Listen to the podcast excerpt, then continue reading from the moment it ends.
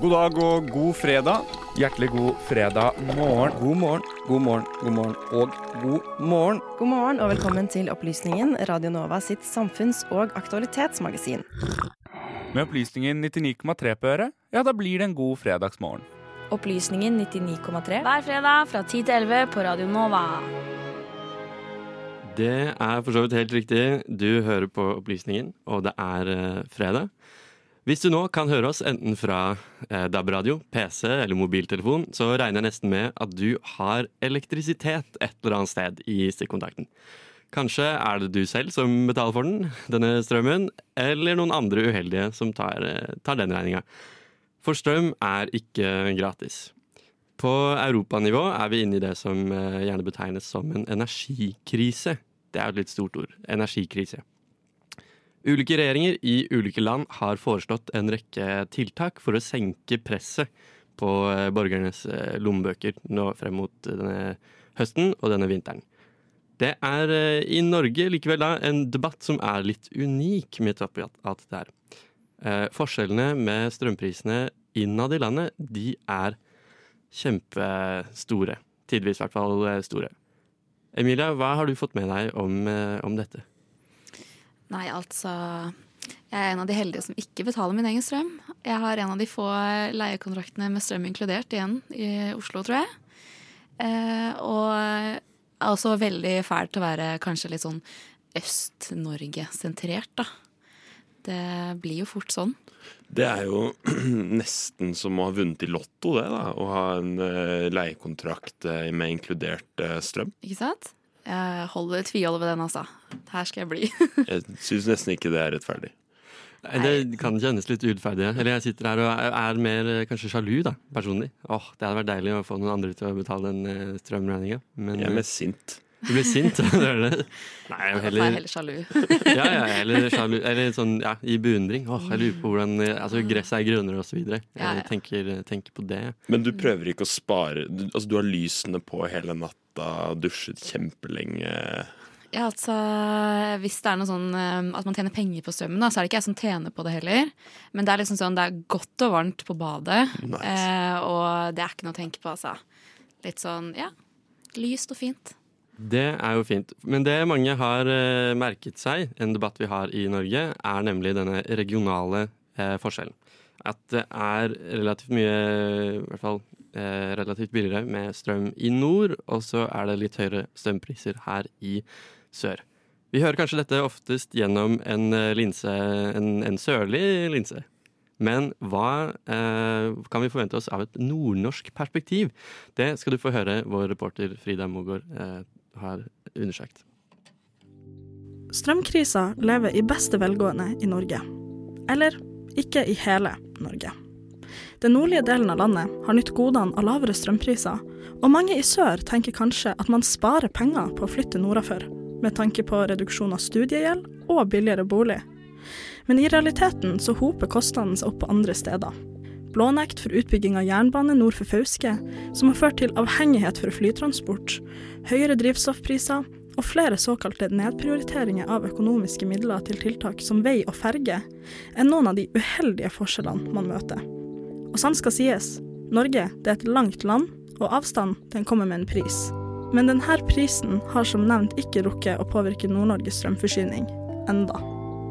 I et intervju med Aftenposten i august tok Høyre-leder og tidligere statsminister Erna Solberg opp sitt ønske om å bygge ut strømkabler mellom nord og sør, og med det sende strøm sørover så raskt som mulig. Hun beskriver her situasjonen som hastende, og mente denne utbygginga skulle settes i full fart, da det, i hennes ord, ikke er sunt for næringslivet at det er store, ubrukte kraftressurser som kunne vært tatt i nytte i sør. Nord-Norge får sin strømforsyning fra Nord-Sverige, og derfor så ville denne potensielle utbygginga ha involvert store midler for nye, forbedra strømkabler mellom nord og sør. Utsagnet førte til reaksjoner fra stortingspolitiker Erlend Svardal Bø i Tromsø Høyre, som for øvrig, til tross for samme partitilhørighet som Solberg, sa seg svært uenig i den tidligere statsministerens ønske. I et intervju med lokalavisa i august fortalte Bø at han har forståelse for Solbergs oppfatning av de store prisforskjellene i landet, men at han som nordnorsk representant er opptatt av å beholde konkurransefortrinnet med lave priser i Nord-Norge, for både folk og næringsliv. Forrige helg var derimot Erna på besøk i Tromsø, og det ble rapportert at tonen mellom hun og Erlend var langt mer diplomatisk, da de har nådd en enighet siden begynnelsen av høsten. Til lokalavisa uttalte Solberg at det vil ta nesten ti år å få de nye strømkablene på plass, og med tanke på at det er mange nye industriprosjekter i nord, så kan det være at kablene kommer til å gi mer strøm nordover enn sørover. Dette gir jo da inntrykket om at den tidligere statsministeren kanskje har endra tankegangen sin, og stortingspolitiker Bø har uttrykt stor takknemlighet for at de nå kan anse seg som i hvert fall relativt enig. Vi snakker mye om den ekstremt store forskjellen i prisen på strøm her. Men hva vil det egentlig si? Onsdag 21.9 ble gjennomsnittsprisen på strøm i Oslo målt til 524,59 øre per kilowattime, og dette er da prisen dersom man ikke har den såkalte strømstøtta. I Tromsø er det derimot en litt annen historie. Gjennomsnittsprisen for onsdag ble der målt til 63,11 øre per kilowattime. Og her har de naturligvis ikke strømstøtte. Og disse tallene er henta fra VG sin strømprismåler, og vi ser at Tromsø, altså Nord-Norge sin største by, sin strømpris utgjør kun en tiendedel av prisen i hovedstaden. Denne forskjellen, og til en viss grad uenigheter mellom nord og sør, har skapt reaksjoner. Ikke bare hos Norges politiske topper, men skribent og gullpennvinner Egon Holstad i avisa i Tromsø har skrevet om denne problematikken i en kommentar med tittelen Ja, men kjære søringer, dere har jo valgt å bo der. Han skriver Vi vet hvor vi bor, her oppe i toppen av Europa, i det høye nord. Det er sågar et gjentagende mantra vi er glad i å si sjøl, som en slags åndelig indremedisinsk motgift til alt faenskap. Han trekker inn den uforutsigbare snøbygen som tidvis dukker opp i mai og juni, mangelen på tog, ekstremt høyt pris av flybilletter, drivstoff som har en høyere literspris enn whisky fra Indre Troms, priser på hurtigbåt, klær, medisin, elektronikk og alt imellom. Han understreker altså at alt er dyrere i Nord-Norge, men at nordlendinger bare har blitt vant til å høre dere har sjøl valgt å bo der. Så han snur om på det hele. Ofrene for de ekstremt høye strømprisene har ifølge Holstad ingenting å klage på, for de har jo nettopp valgt å bosette seg der sjøl. Og sant skal sies at denne kommentaren har en svært satirisk tone, og at strømprisen er svært reell, til tross for et humoristisk innlegg fra en fortvilt nordlending. Så hvordan man skal løse strømkrisa og håpe å normalisere markedet, står enda som et spørsmålstegn.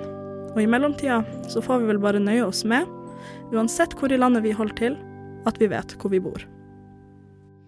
Ja, det var vår egen reporter Frida Mogård. Musikken den var hentet fra sessions.blue. Kongeriket Norge er kanskje langstrakt, men en bærebjelke med den eh, store oppgaven å forene oss, det er eh, ja, kongehuset. Jeg snakker om kongehuset, så klart. Eh, men mer om det norske monarkiet om eh, litt. Bli eh, gjerne på kanalen. Aller først får vi litt mer musikk her på Radio Nova. Du skal få høre Honey med What Now.